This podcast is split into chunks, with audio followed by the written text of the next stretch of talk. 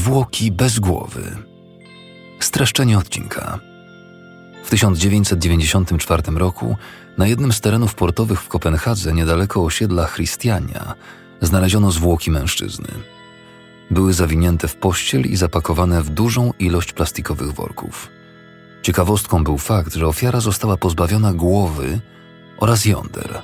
Doszło do makabrycznego morderstwa, którego wyjaśnienie nie będzie dla policji łatwe.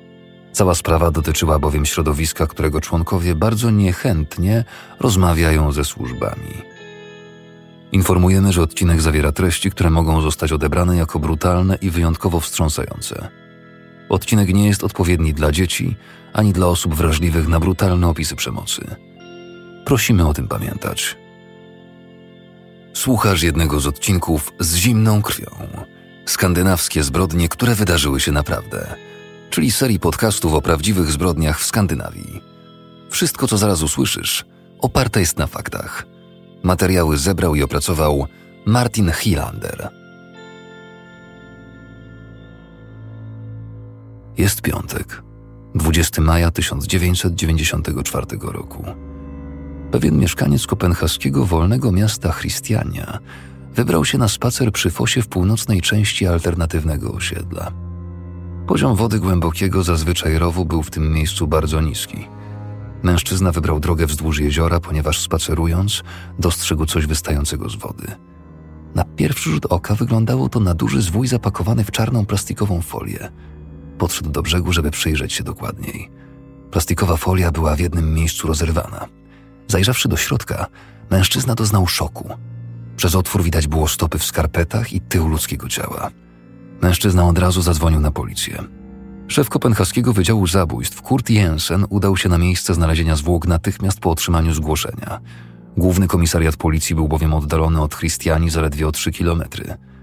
Z brzegu widać było, jak strażacy wyciągają z wody zwłoki zawinięte w trzy czarne plastikowe worki na śmieci i szarą pościel. W jednym worku znajdowało się sześć kamieni wielkości pięści. Ich ciężar utrzymywał ciało pod wodą przynajmniej dotychczas. Na miejscu zbrodni czy też miejscu znalezienia zwłok dla policji najważniejsze jest, żeby nie zniszczyć żadnych śladów. Dlatego zwłoki przewieziono do Instytutu Medycyny Sądowej w takim stanie, w jakim je znaleziono. Kurt Jensen jako śledczy prowadzący sprawę z ramienia Wydziału Kryminalnego uczestniczył w oględzinach zwłok przeprowadzonych przez lekarza medycyny sądowej.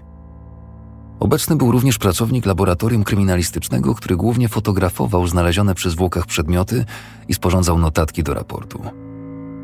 Oględziny odbyły się w jednym z pomieszczeń do przeprowadzania sekcji zwłok w piwnicach Instytutu Medycyny Sądowej, w budynku obok kopenhaskiego szpitala Rikshospitalet.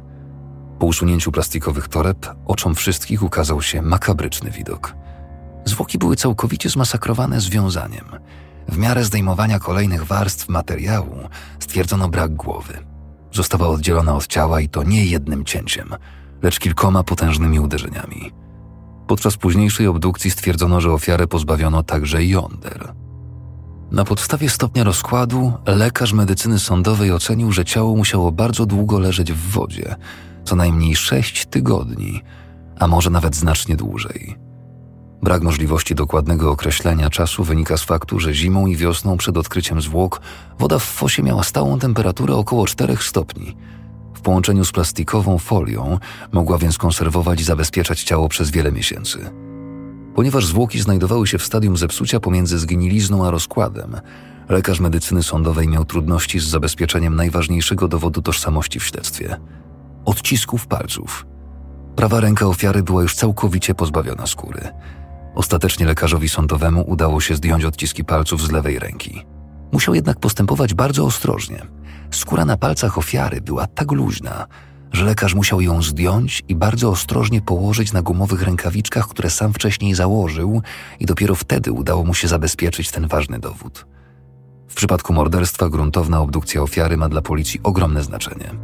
To właśnie wtedy pobierane są odciski palców, próbki krwi, ślady biologiczne i materiały do testów DNA, a także dokładnie mierzone są rany kłute oraz inne, jeśli występują. Lekarze medycyny sądowej ustalili, że ofiarą jest młody, szczupły i silnie owłosiony mężczyzna o ciemnej karnacji. Miał około 20 lat i był obrzezany. Mierzył mniej więcej 170 cm wzrostu i ważył około 50 kg. Na głównym komisariacie policji w Kopenhadze zgromadzili się pracownicy sekcji A Wydziału Zabójstw. Jej szef osobiście zajął się przekazaniem informacji do prasy. Było to niezbędne posunięcie także dlatego, że tożsamość ofiary w dalszym ciągu pozostawała nieznana. Wskazówki od obywateli były więc absolutnie konieczne.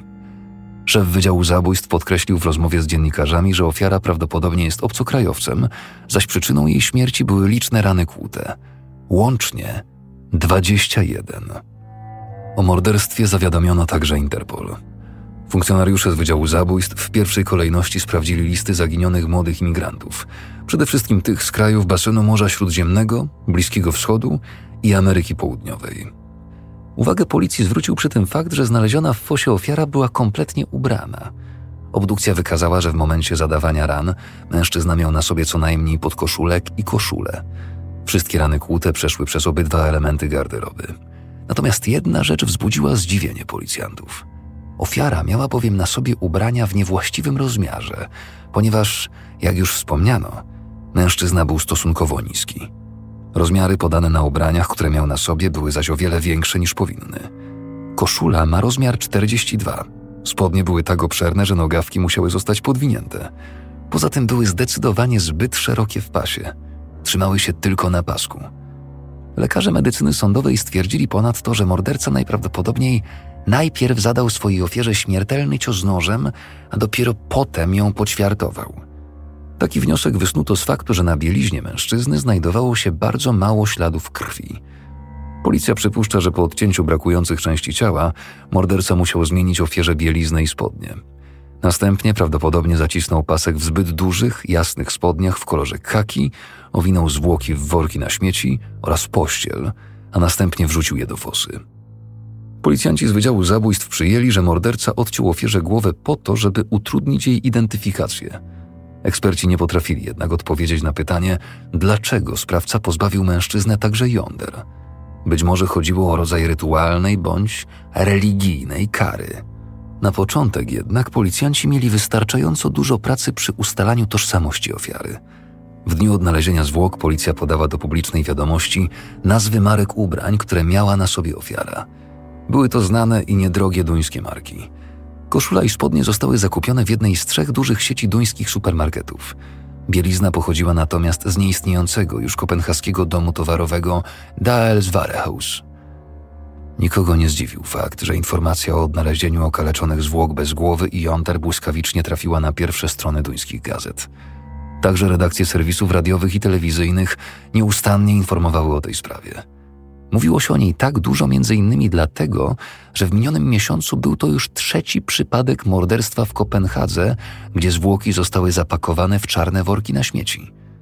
Mniej więcej trzy tygodnie wcześniej w kopenhaskim porcie niedaleko wyspy Brygge znaleziono poćwiartowaną Tajlandkę, zaledwie kilometr od osiedla Christiania.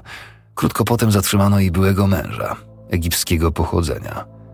Zaledwie sześć tygodni przed wyłowieniem zwłok z fosy na Placu Zjednoczenia w Kopenhadze znaleziono zwłoki duńskiej prostytutki, także zapakowane w plastikowe worki. Nie było jednak żadnego bezpośredniego związku pomiędzy tymi trzema morderstwami. Jeśli chodzi o śledztwo w sprawie aktualnego morderstwa, sprawca mógł mieć nawet kilka tygodni przewagi, a policjanci nie posiadali żadnych wskazówek co do motywu. Dodatkowym utrudnieniem był fakt, że nie zdołano ustalić tożsamości ofiary – Podczas obdukcji w zakładzie medycyny sądowej zabezpieczono wprawdzie odciski palców ofiary. Nie było jednak żadnego materiału porównawczego. W 1994 roku pobieranie odcisków palców od osób przybywających do Danii w celu ubiegania się tam o azyl, gromadzenie ich w centralnej bazie danych i archiwizowanie nie było jeszcze powszechną praktyką. Ponadto według danych Urzędu do Spraw Cudzoziemców około 2000 ubiegających się o azyl miało wówczas status zaginionych. Tak dużą liczbę można tłumaczyć tym, że wiele osób ubiegających się o azyl decyduje się na powrót do ojczyzny albo wyjazd do innego kraju, jeśli spodziewają się, że nie otrzymają pozwolenia na pobyt w Danii. To, czy ofiara rzeczywiście ubiegała się o azyl w Danii, jest tylko jedną z analizowanych teorii. Policja sprawdza też przypuszczenie, czy sprawa mogła dotyczyć egzekucji kuriera narkotykowego. W rzeczywistości mogło też jednak chodzić o coś zupełnie innego – W następnych dniach policjanci z Wydziału Zabójstw i funkcjonariusze oddelegowanych dodatkowo duńskich służb specjalnych badali także, czy zabójstwo mogło być umotywowanym politycznie aktem terrorystycznym. Służby specjalne miały wówczas być w posiadaniu informacji, które kazały przypuszczać, że właśnie w Danii zamordowano pewnego dyplomatę z Azerbejdżanu. Do tego morderstwa miało dojść podczas tajnego spotkania politycznego reprezentujących różne ugrupowania obywateli Azerbejdżanu w Kopenhadze, którego celem było omówienie działań wojennych prowadzonych przez ich kraj przeciwko Górskiemu Karabachowi, chrześcijańskiemu regionowi ormiańskiemu w południowo-wschodniej części Małego Kaukazu. W pierwszych dniach po morderstwie także gazety bardzo szczegółowo informowały o analizowanej możliwości przestępstwa o motywach terrorystycznych. Stopniowo na policję zgłaszali się kolejni świadkowie z nowymi informacjami. Ich zeznania potwierdzały, że ofiara leżała w wodzie już od ponad miesiąca. Dwóch mieszkańców alternatywnej dzielnicy mieszkaniowej Christiania powiedziało policji, że pływali po fosie niewielką łódką 16 kwietnia, a więc jakiś miesiąc przed odnalezieniem zwłok. Z łódki zauważyli wówczas jakiś zwój zawinięty w plastik. Nie sposób było jednak rozpoznać, co znajdowało się w środku. Próbowali dosięgnąć go przy pomocy haka do łodzi, jednak zwój okazał się zbyt ciężki, by go wciągnąć. Ostatecznie więc zostawili go w wodzie. Trzy dni po ujawnieniu zwłok Straż Pożarna w Kopenhadze wysłała do fosy swoich nurków, którzy mieli poszukać odciętej głowy i jąder ofiary. Niczego jednak nie znaleziono. Policja zakładała, że głowa musiała znajdować się w zupełnie innym miejscu. Należało przyjąć, że ukrywając głowę morderca miał tylko jeden cel utrudnić policji ewentualne śledztwo.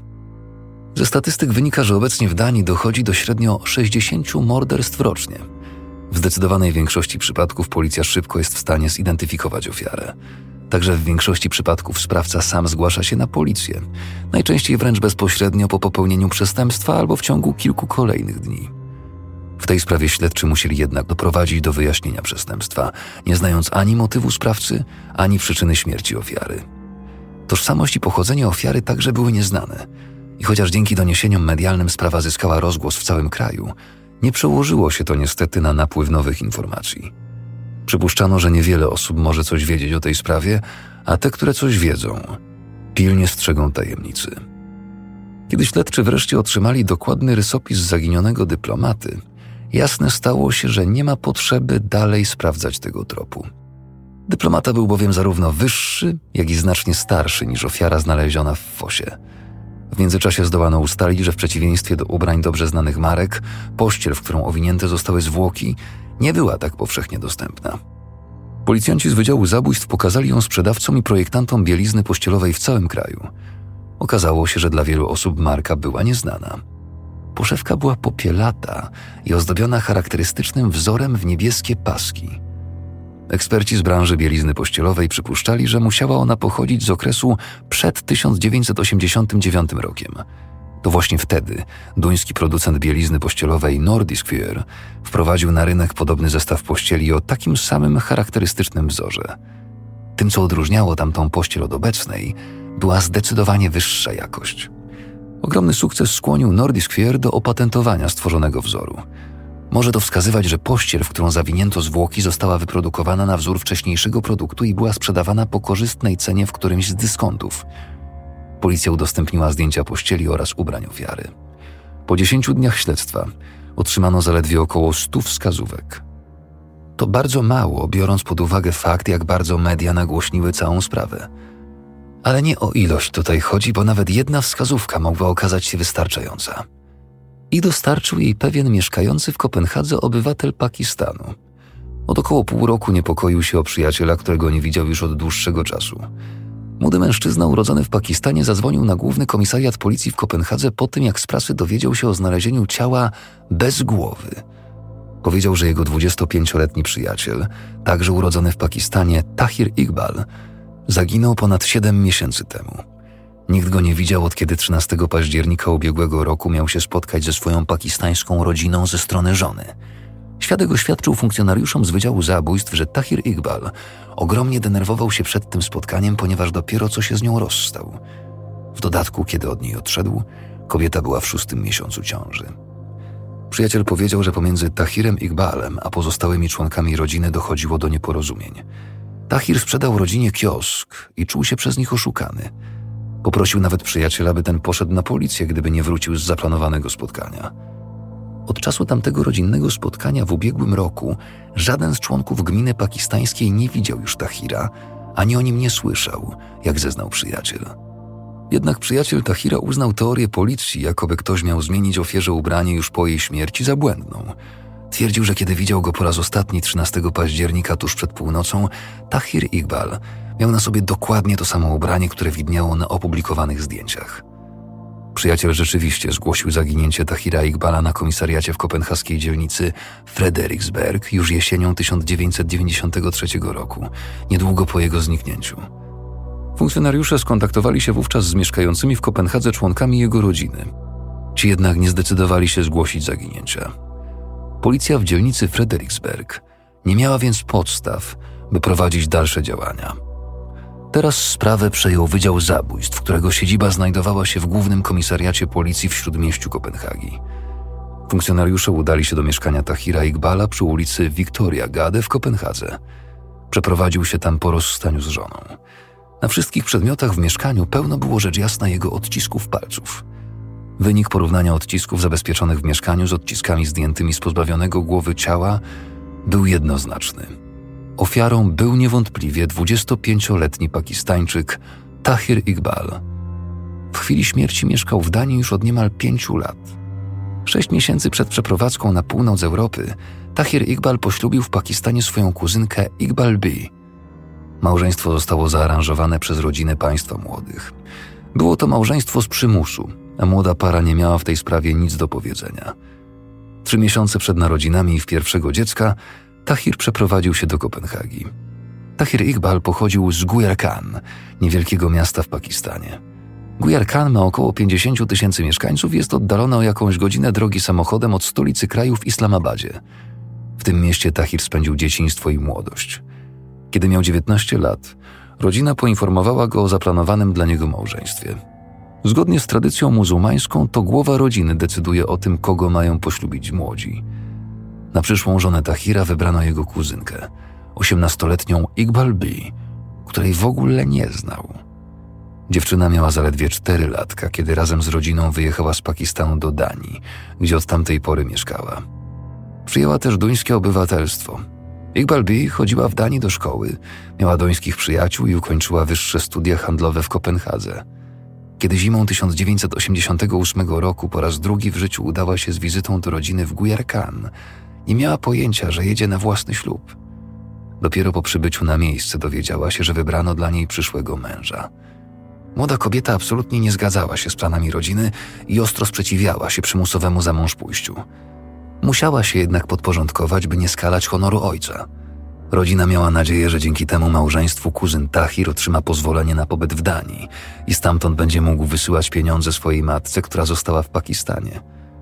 Przepisy dotyczące przyznawania duńskiego obywatelstwa stanowiły wówczas, że obcokrajowcy pozostający w związku małżeńskim z obywatelem lub obywatelką Danii automatycznie otrzymywali duńskie obywatelstwo po upływie dwóch lat.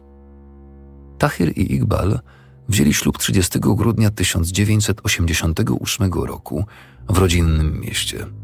Dziewczyna już dwa dni później wróciła do Danii.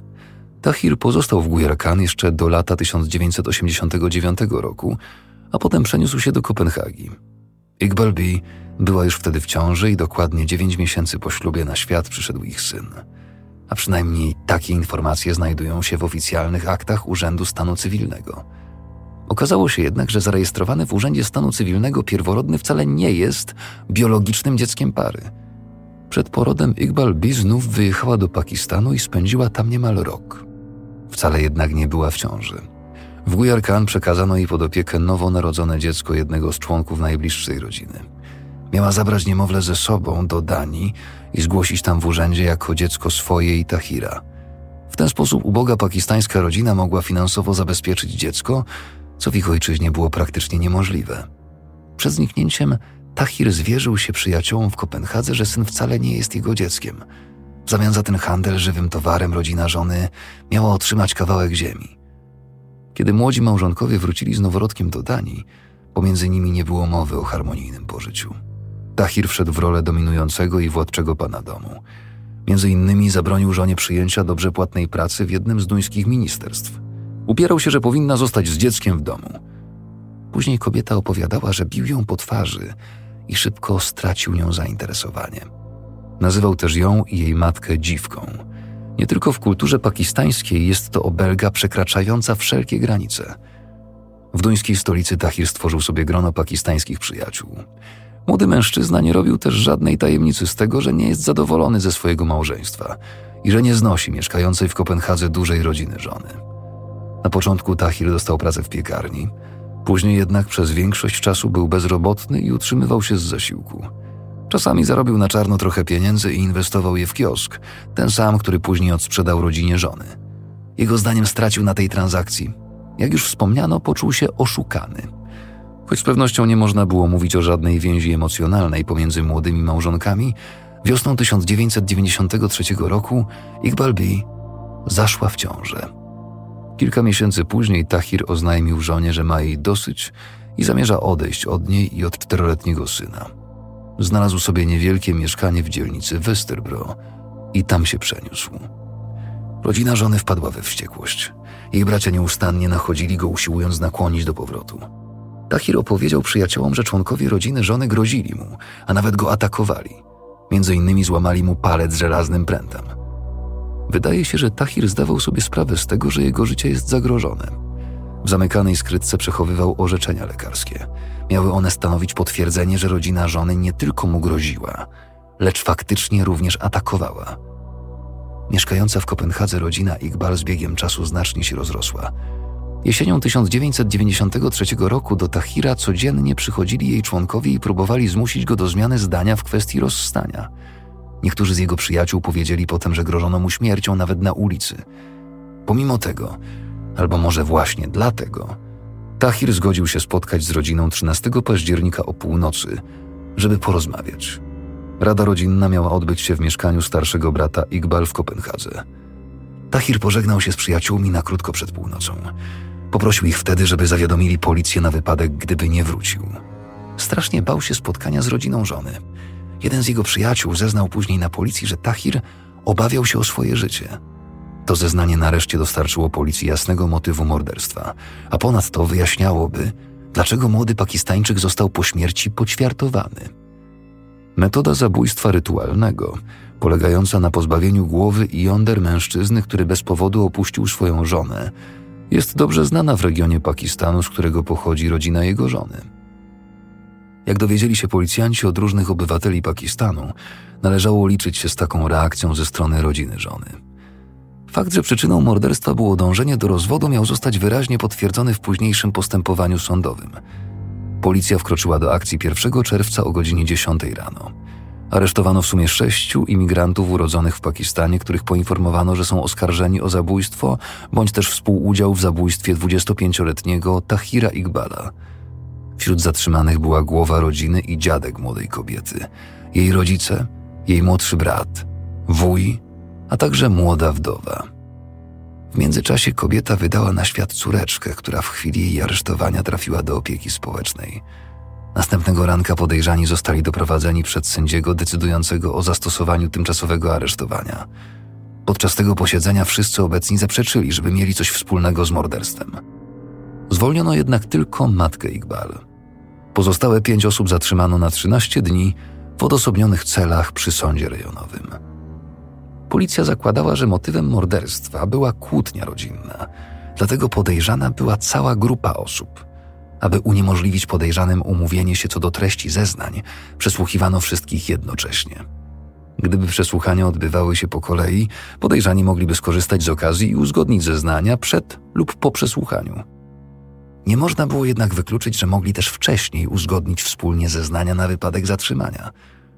Funkcjonariusze prowadzący przesłuchania wiedzieli z doświadczenia, że takie osoby najczęściej nie potrafiły dokładnie przypomnieć sobie poczynionych ustaleń. Zastosowana w tym przypadku taktyka polegała na prowadzeniu odpowiednio długich i bardzo drobiazgowych przesłuchań, podczas których podejrzanym zadawano pytania o najmniejsze szczegóły. Przesłuchiwani z reguły popełniali w takich sytuacjach błędy albo też dawało się zauważyć wyraźne rozbieżności w porównaniu z informacjami pozostałych osób. Śledczy z Wydziału Zabójstw byli raczej pewni, że morderstwa dokonał ktoś spośród zatrzymanych osób. Ale jedno można było stwierdzić z pewnością. Tahir Iqbal był widziany żywy po raz ostatni, gdy udawał się na ową fatalną radę rodzinną, która miała odbyć się w mieszkaniu wówczas 29-letniego Mohameda, starszego brata jego żony. Jego również chciano aresztować z powodu uzasadnionego podejrzenia popełnienia przestępstwa, ale niestety nie mieszkał już w Danii. Ze starannych przesłuchań członków rodziny wynikało wyraźnie, że wśród nich jest morderca. I rzeczywiście, stało się to, z czym śledczy liczyli się już wcześniej – jeszcze przed zatrzymaniem członkowie rodziny ustalili między sobą, że winę za morderstwo weźmie na siebie najmłodszy z nich. Intensywne przesłuchania zdradziły jednak, że osoba ta wcale nie znała szczegółów morderstwa. Przyznając się do winy, podała informacje, które nie zgadzały się z faktami, co dla policji było niezaprzeczalnym dowodem na fałszywe oświadczenie. Śledczy nie byli zaskoczeni tym, że w toku przesłuchania podejrzani zaczynali plątać się w sprzecznych wyjaśnieniach. Każdą z zatrzymanych osób skonfrontowano z informacjami otrzymanymi podczas przesłuchań od pozostałych zatrzymanych. Doprowadziło to do sytuacji, w której podejrzani podczas przesłuchań musieli nieustannie zmieniać i dostosowywać swoje zeznania. W międzyczasie starannie sprawdzono też ich alibi i stopniowo coraz bardziej jasne stawało się, kto jest głównym podejrzanym o dokonanie morderstwa. Starszy brat Iqbal, który wyjechał z Danii niedługo po zniknięciu Tahira. Ponad pół roku temu, w grudniu 1993 roku, Mohamed wyjechał do Pakistanu. Później nikt już nie widział go w Danii. Podobnie jak jego siostra, także i on posiadał duńskie obywatelstwo. W Kopenhadze pracował jako kierowca taksówki. Policjanci uzyskali nakaz przeszukania jego mieszkania. Technicy kryminalistyki dosłownie rozebrali je na kawałki. Nie znaleźli jednak nic, co wskazywałoby na jakiekolwiek powiązania z morderstwem – Wyjaśnienie tego stanu rzeczy było proste. Zaraz po zakończeniu rady rodzinnej Mohammad zadbał o gruntowne sprzątnięcie całego mieszkania. Zostało nawet odmalowane. Oficjalnym powodem było planowane podnajęcie lokalu na czas jego pobytu w Pakistanie. Za pośrednictwem pakistańskich urzędów kopenhaska policja skontaktowała się z Mohamedem, który przebywał w Gujarkan. Poinformowano go, że sześciu spośród najbliższych członków jego rodziny jest podejrzanych o morderstwo i zostało zatrzymanych. W odpowiedzi Mohammad wyraził gotowość powrotu do Danii. Niespełna miesiąc po aresztowaniu członków jego rodziny, dobrowolnie zgłosił się na policję. Wcześniej wielokrotnie dzwonił na komisariat i informował, że znajduje się w drodze do Danii. Podawał też swoje aktualne miejsce pobytu, odpowiednio w Niemczech czy też w Anglii. Starszy brat Iqbal został aresztowany 29 czerwca i oskarżony o morderstwo. Początkowo zaprzeczył, żeby miał popełnić zarzucane mu przestępstwo – ale już dwa dni później przyznał się do zabicia Tahira. Uświadczył, że zabił go sam w swoim mieszkaniu w dniu spotkania rodzinnego 13 października. Kilka dni później powiedział też, co stało się ze zwłokami. Cztery dni po zatrzymaniu Mohammad został zawieziony radiowozem na miejsce, gdzie, jak twierdził, wrzucił do wody odciętą głowę Tahira Iqbala. Było to przy wiadukcie autostradowym w pobliżu portu, około 10 kilometrów od fosy na osiedlu Christiania, w której znaleziono resztę ciała. Po otrzymaniu tej informacji śledczy wezwali jednostkę nurków Straży Pożarnej, którzy mieli przeczesać głęboki na około 6 metrów zbiornik wodny w poszukiwaniu odciętej głowy Tahira Iqbala. I rzeczywiście, znaleźli ją tam już po godzinie, zawiniętą w czarny plastikowy worek. Podczas przesłuchania Mohammad wyjaśnił, że odciął głowę od reszty ciała po to, żeby uniemożliwić policji zidentyfikowanie szwagra. Potem zawinął części ciała ofiary w czarne plastikowe worki i zadzwonił do wuja. Razem zanieśli ciężkie worki do taksówki Mohamada, a potem pojechali najpierw nad fosę, następnie na wiadukt autostradowy, gdzie powrzucali je do wody. Mohammad zaprzeczył, żeby miał odciąć Tahirowi także jądra. Nie potrafił więc odpowiedzieć na pytanie, co stało się z tą częścią ciała ofiary. Wreszcie po niemal miesiącu śledztwa policja była w posiadaniu przyznania się do winy. Całej sprawy nie można było jednak uznać za wyjaśnioną – Śledczy z Wydziału Zabójstw byli absolutnie pewni, że Mohammad nie działał sam i że pozostali uczestnicy tej zbrodni znajdują się wśród członków jego rodziny. Jak się okazało, mieli rację. Kolejna osoba przyznała się po sześciu dniach. Funkcjonariusze nie byli tym zaskoczeni. W międzyczasie bowiem Mohammad zmienił swoje zeznania.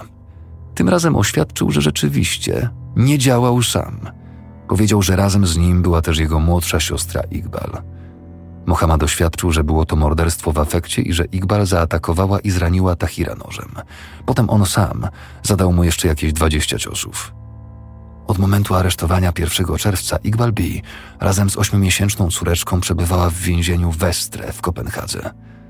Po pięciu tygodniach spędzonych za kratkami i licznych przesłuchaniach na komisariacie, 11 lipca kobieta przyznała się do zamordowania męża razem ze starszym bratem. Kiedy została doprowadzona przed sędziego decydującego o zastosowaniu tymczasowego aresztowania, oświadczyła, że razem z bratem zaplanowali zamordowanie Tahira. Powiedziała, że udało im się zwabić go do mieszkania jej brata, gdzie Mohammad wbił mu nóż w plecy. Iqbal go trzymała, a Mohammad zadawał ciosy. Potem zaciągnęli ciało do łazienki i obcięli mu głowę. Na koniec zadzwonili do wuja, który miał im pomóc pozbyć się zwłok. Mohammad i Iqbal podali zgodnie do protokołu, że Tahir musiał umrzeć, ponieważ chciał opuścić ją i ich nienarodzone wtedy jeszcze dziecko. Rodzeństwo wzięło pełną odpowiedzialność za popełniony czyn. Dla policji był to wystarczający argument przemawiający za zwolnieniem pozostałych zatrzymanych członków klanu, którzy jednak w dalszym ciągu byli oskarżeni o współudział w morderstwie. Wypuszczono także 43-letniego wuja rodzeństwa, który w międzyczasie przyznał się do pomocy w usunięciu zwłok. 18-letni brat Mohamada i Iqbal także przyznał się do udziału w przygotowaniu morderstwa i dostania na czatach przed drzwiami mieszkania, kiedy rodzeństwo zabijało jego szwagra. Podczas późniejszych policyjnych przesłuchań podejrzani jeszcze wielokrotnie zmieniali zeznania. Oboje na zmianę raz brali na siebie pełną odpowiedzialność za przestępstwo, po to, żeby później stwierdzić, że jednak działali wspólnie. Kilka tygodni później, podczas wysłuchania przez sędziego, rodzeństwo raz jeszcze zmieniło zeznania. W budynku sądu podczas przerwy obiadowej mieli okazję ze sobą porozmawiać. Potem Mohammad oświadczył śledczym, że popełniając morderstwo działał sam. Jego siostra Iqbal podała do protokołu dokładnie to samo. Miała jedynie pomóc mu w pozbyciu się zwłok. Tym razem za wytłumaczenie posłużył atak wściekłości. Pomimo tego, podczas rozprawy sądowej wniesiono akt oskarżenia przeciwko obojgu. Rodzeństwo zostało oskarżone o morderstwo, przygotowanie morderstwa i zbezczeszczenie zwłok. Było już wówczas niemal pewne, że Mohammad spędzi w więzieniu co najmniej 12 lat. Pytanie brzmiało jedynie, czy przysięgłych przekonały ostatnie zeznania Iqbal B, jakoby nie brała ona udziału w przestępstwie. Jeśli tak, w jej przypadku skończyłoby się na dużo niższym wymiarze kary. Przed rozprawą okazało się też, że zamordowany Tahir mógł mieć jeszcze jeden powód, żeby opuścić swoją małżonkę. Iqbal B nie była mu wierna przed jego przybyciem do Danii w 1989 roku. 2 kwietnia 1995 roku rozpoczęła się rozprawa główna przed Sądem Krajowym w Kopenhadze. Sprawa zwracała uwagę nie tylko w Danii, śledzono ją z dużym zainteresowaniem także w Pakistanie. Wśród licznie przybyłych przedstawicieli prasy było wielu pakistańskich dziennikarzy. Podczas wyznaczonych trzech dni rozprawy rodzeństwo trzymało się treści swoich ostatnich zeznań na temat przebiegu wydarzeń w noc 14 października 1993 roku. Wyjaśnili przede wszystkim, dlaczego Tahir musiał umrzeć. Mohammad oświadczył przed sądem m.in., że była to kwestia dumy i honoru rodziny. Opuszczając Iqbal B., Tahir obraził całą rodzinę, Wyraził ponadto żal z powodu dopuszczenia się morderstwa, tym bardziej, że później dowiedział się o niewierności Iqbal wobec męża. Był z tego powodu wściekły na siostrę. Nie można zachowywać się w ten sposób wobec męża, a w takich okolicznościach Tahir miał pełne prawo domagać się rozwodu. Z tego powodu właśnie Mohammad w międzyczasie oskarżył Iqbal B o współudział w morderstwie. Kiedy Mohammad zakończył swoje przemówienie przed sądem, przyszła kolej na Iqbal B. Kobieta powtórzyła, że nie brała udziału w morderstwie – po raz pierwszy powiedziała też, że straciła przytomność i leżała bez świadomości na podłodze, kiedy brat zadawał ciosy jej mężowi. Czuła się też winna tego, co się stało, dlatego na początku chciała wziąć całą winę na siebie. Jej wyjaśnienia podważył prokurator, przedkładając dowody na potwierdzenie, że kilka godzin przed morderstwem kupiła w supermarkecie czarne worki na śmieci i ogromną liczbę rolek ręczników kuchennych. Kobieta wyjaśniła, że były to zakupy przeznaczone na użytek domowy. Przysięgli jednak jej nie uwierzyli. 4 kwietnia 1995 roku Iqbal B. i Mohammad zostali uznani za winnych wszystkich stawianych im zarzutów. Oboje zostali skazani na karę 12 lat więzienia. Następnie ich wuj, który przyznał się do pomocy przy pozbyciu się ciała, został skazany na karę 30 dni więzienia za zbezczeszczenie zwłok. Śledztwo wobec pozostałych członków rodziny zostało zawieszone. Po ogłoszeniu wyroku policjanci po raz ostatni rozmawiali z rodzeństwem w nadziei na uzyskanie odpowiedzi na kilka końcowych pytań.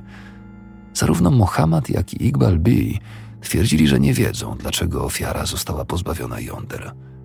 Czy było to morderstwo z nienawiści, popełnione przez opuszczoną kobietę i jej brata?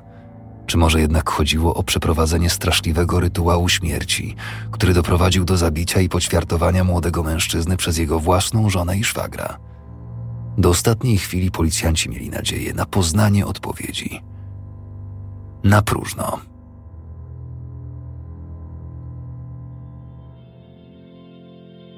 Wersja polska, tłumaczenie i realizacja nagrań Roboto Sound. Czytał Filip Kosior.